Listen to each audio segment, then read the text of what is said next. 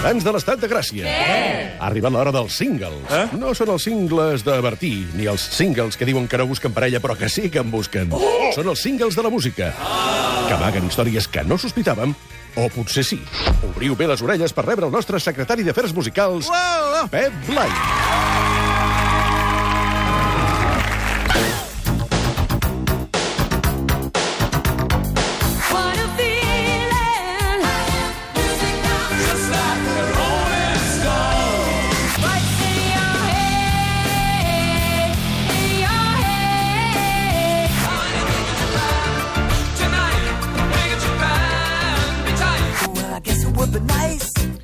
Bona tarda, Pep Blai, com estàs? Bona tarda, president. Ai, quina emoció, les músiques, les músiques bones amb el Pep Blai, ja ho sabeu, aquí cada tarda... No, cada tarda no. T'imagines que vinguessis cada tarda? Pues també estaria bé, eh? No, jo m'ho passaria bé. No sé si la gent s'ho passaria bé. Aquest és un altre problema. Sí, nosaltres també ens ho passem bé cada setmana amb la música dels singles del Pep Blai. Avui comencem amb música d'Oscars, no? Home, és que després de tot, tot aquest merder que hi ha hagut aquest cap de setmana i tothom té la cançó del City of Stars, ah, aquest al cap. Calla, calla, que m'agrada molt. Posa-la, posa-la. Tu no saps com s'enganxa, Are you això? shining just for me? Ai, ai, ai, això és sentir tres notes i se t'enganxa. Silenci, silenci. City of stars. There's so much that I can't see. Ai, com ens agrada en Ryan Gosling. Escolti'm, a casa. Ai, ai. Què et va semblar la gala dels Oscars, Pep Blai? A veure, a mi, personalment, això de que donguessin la cançó original, el millor premi i tal, a City of Stars, estava cantat. Era un musical, i més cantat que un musical. Molt bé, molt ben trobat. Molt ben trobat. Uh, la La Land. Uh, a mi, personalment, a mi el que em sembla que aquestes cançons de musical, uh, uh, així de... Vaja, a, a mi em sembla una cançó de museu. És a dir, vaig a fer una cançó que s'assembli amb aquelles cançons que es feien els musicals de jazz, agafo uns quants tòpics, els barrejo i me'n surto millor o pitjor. Aquí se n'han sortit bé. Però tinc una mica sensació que és com quan vas a un museu i vas a veure una peça i en comptes de ser original et diuen reproducció de la peça que era original. Uh -huh. O sigui que no veus l'original, no? Uh -huh. Potser, potser m'aniria millor veure es- escoltar en Singing in the Rain, no sé com t'ho diria. Home, home, aquesta sí. Ai, po- posa-la, posa-la, aquesta. No la tenim o no? No, en Singing in the No, Rain no no, la tenim. no, no, perquè a mi la que m'agrada més i potser més original seria Raindrops Keep Falling on My Head. Aviam. Raindrops are falling on my head. And just like the guy whose feet are too big for his bed, nothing seems to fit. Those raindrops are falling on my head, and they keep falling. So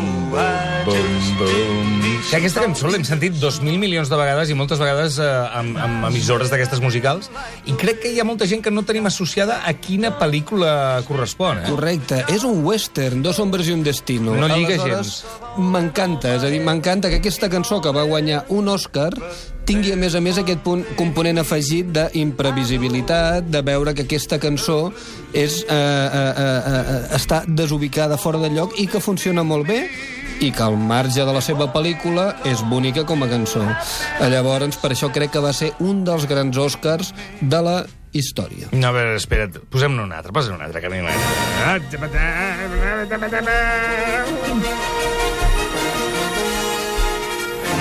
La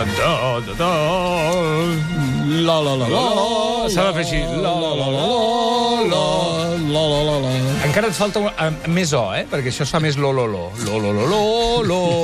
un got de cervesa amb una mà. Sí, sí, sí. És que a mi, jo, jo, aquesta em fa molta gràcia perquè no es compta mai com a millor cançó original perquè no és una cançó, sinó que és una banda sonora, però en realitat la gent l'arriba a cantar en plan Garrolàndia com si fos una cançó.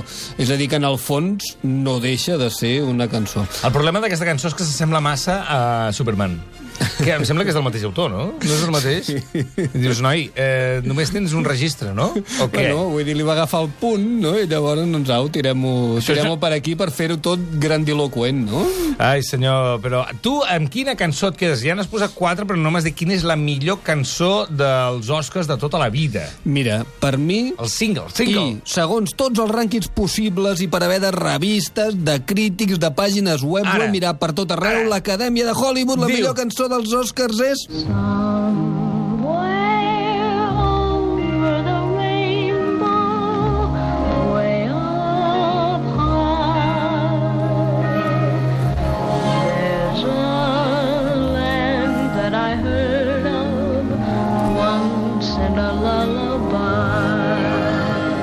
que és bonica.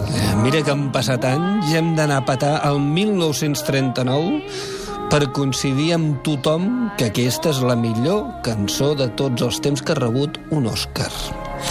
La va cantar la Judy Garland, pertany a la banda sonora d'una pel·lícula que li encanta a la meva filla petita, el Mac 2. Sí, senyor.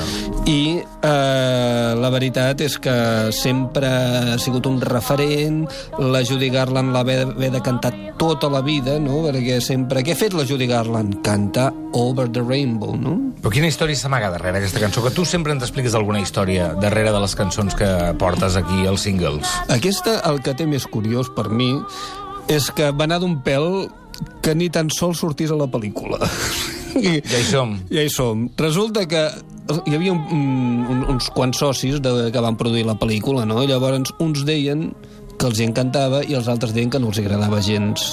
I els que pesaven més eren els que deien els que no els agradava gens aquesta cançó. Què és el que no els agradava? Que en una pel·lícula per nens aquesta cançó no, eh, eh, no tenia l'alegria, l'energia i aquell punt que s'espera d'una cançó més infantil. No? Llavors la van eliminar de la versió inicial Què dius? però els altres productors van intentar convèncer-los i reconvèncer-los perquè, entre altres coses, un d'ells era el coach vocal, el que va ajudar a cantar, diguéssim, a la Judy Garland, que era un tal Roger Edens, i al final els van persuadir i la cançó va sortir a la pel·lícula. Potser sí que és una cançó una mica més de grans que de petits, no?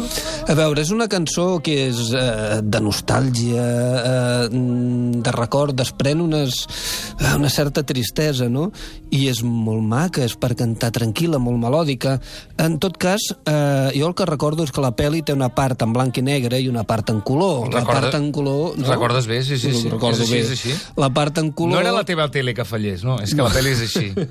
Sí, sí, sí. Sí, perquè, bueno, era un color una mica així, bueno, d'aquell Molt- color virat, no? Com, com... Bueno, és igual, en tot cas, la primera part, que era sense color, era realista, i la segona part era la màgica. I, clar, la part real no volien que hi haguessin cançons, perquè les cançons porten màgia, no? Mhm. I aquesta cançó com que tallava, no? Eh, No sé, era com allò que tallava el rotllo de la màgia. Però es van convèncer. Però es van convèncer i al final li va donar com un punt aquest de, de desig, eh, una innocència adulta. Jo crec que pot agradar tants a petits, no ho sé, no ho sé. Somewhere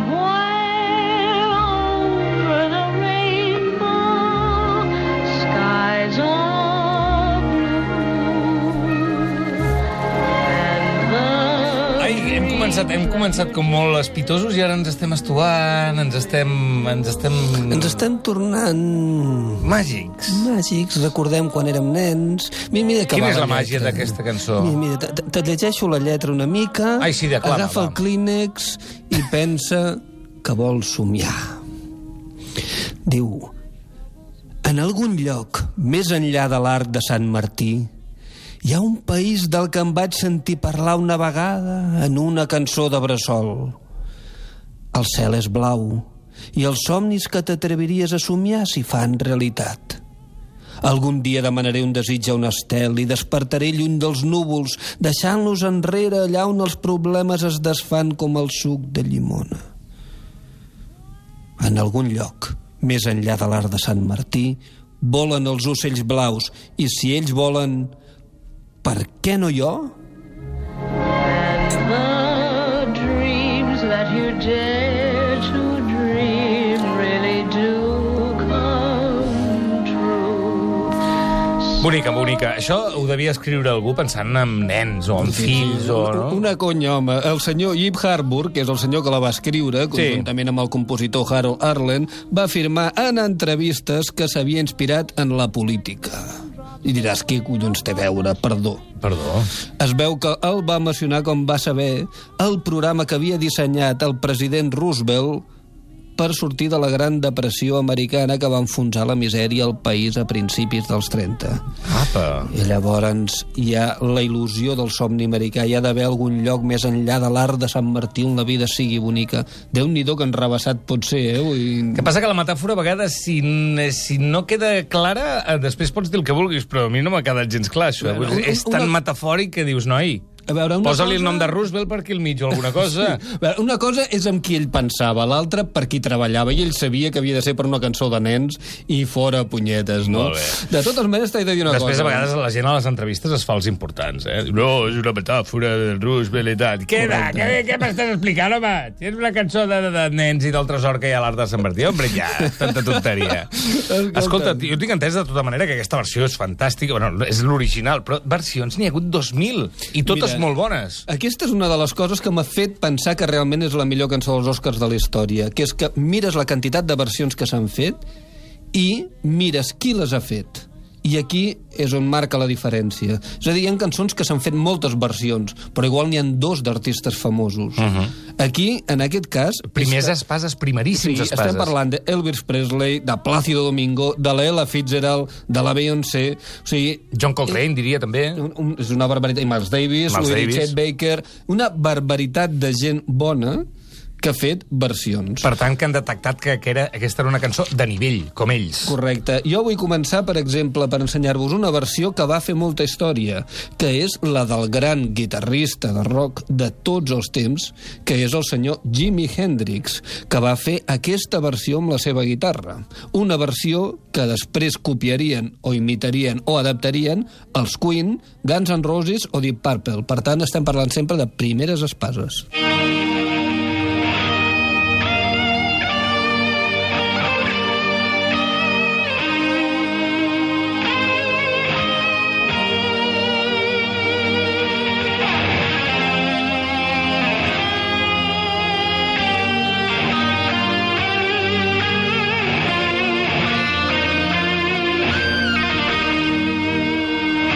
és una de les versions. Després la cosa ha anat a més, eh? Estem parlant de gent, com dèiem, com Miles Davis, eh, la Fitzgerald, eh, John Coltrane, i després encara tenim Eric Clapton. Sí, jo he portat un còctel aquí perquè vegeu 70s, 80s, 90s... Vull Fixeu-vos que els grans de cada generació. Eric Clapton, Ramons, de Sí. Punky, Kylie Minogue... Escoltem-los.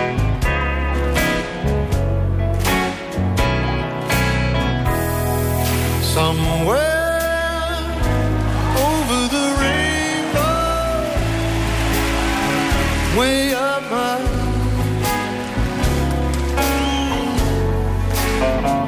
There's a land that I heard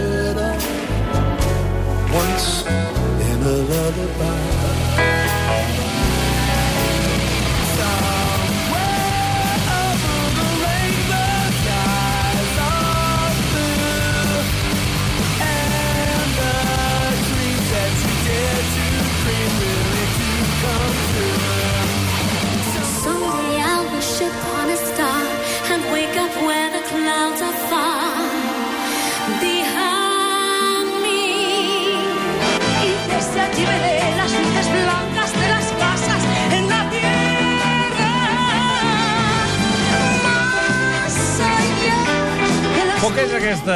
Aquesta s'ha taculat. És Paloma San Basilio? Bueno, és una de les grans. No puc En el seu món, és Quan una de les grans. Quan ets fan d'una cançó, eh, ho has de- ho has d'acceptar tot. Paloma San Basilio, amb adaptació al castellà de José Luis Perales. Quina parella! A veure, mm, és el que hi ha. No, no, és una meravella. Escolta, de vegades em fas una mica de por. Vols dir que no ets una mica friqui? Hi ha una mica de fenomen de fans al voltant d'aquesta cançó, també, no? Molt, molt, molt, molt. De fet, ja et diuen que hi ha comunitats gais que fan concursos de, de, de veure qui la canta millor cada any, però el més bèstia és eh, un fenomen que es diu The Dark Side of the Rainbow. Com el disc de Pink Floyd. The Dark Side of the Moon, dels Pink Floyd. I què fan? Doncs resulta que no se sap d'on va ser l'origen, però va començar a córrer la veu que si tu posaves el disc de Dark Side of the Moon just paral·lelament amb la pel·lícula eh, El Mag 2, sí. la música encaixava perfectament com si fos una banda sonora alternativa. Si fas la prova, hi ha moments en què realment és brutal, hi ha moments en què dius grinyola una mica, però... El pitjor del cas és que tu has fet la prova. Bueno, jo he mirat un... És que ets un tio, ets un tio molt raro, de Ei, ei, veritat. que s'han fet espectacles i tot, i gent que ha fet audicions públiques amb tot això, i... O sigui, has de posar la pel·lícula just quan fa uau el lleó de la, la Metro Goldwyn Mayer Sí. per tercera vegada. Sigui, abans o després ja no t'encaixa. Això vol dir que ho has provat tres vegades. és que és boig com una campana. No, no, no, però és que a més a més, vull dir, jo he provat ara a veure què passa en el moment de, de, de Over the Rainbow si deixem a la Judy Garland cantant. I aquí hi ha, bueno, no sé, jutgeu, a veure què passa.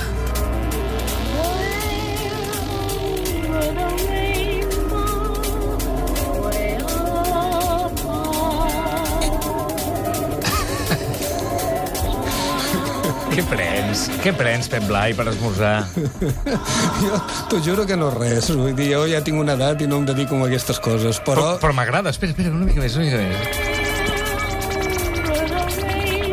És una bogeria lisèrgica. És allò, no sé, és galàctic, és satànic, és, és, és, és pervers, és...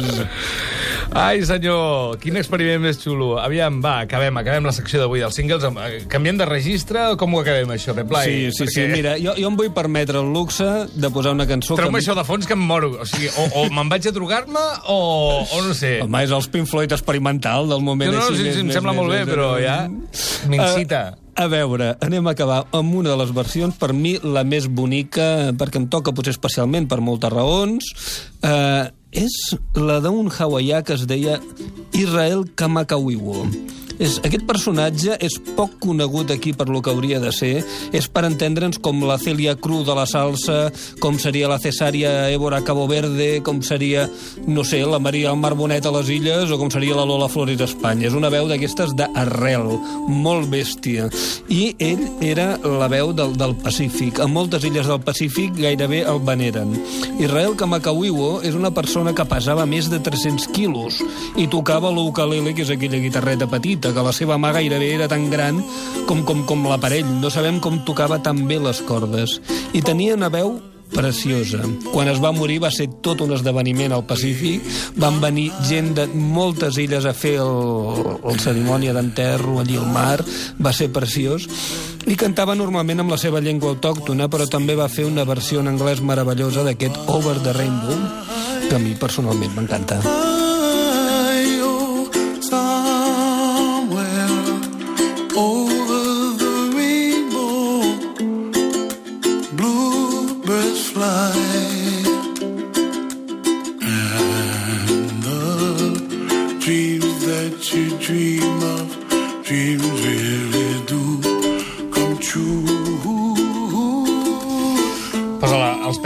Aquesta versió, eh? És que, a més a més, més enllà de l'art de Sant Martí, on els núvols, on els colors, és el Pacífic, amb una illa d'aquelles al paradís. Realment la cançó descriu, si has tingut la sort com jo he tingut d'estar en una illa d'aquelles del Pacífic, dius, aquest tio la va clavar perquè és el lloc.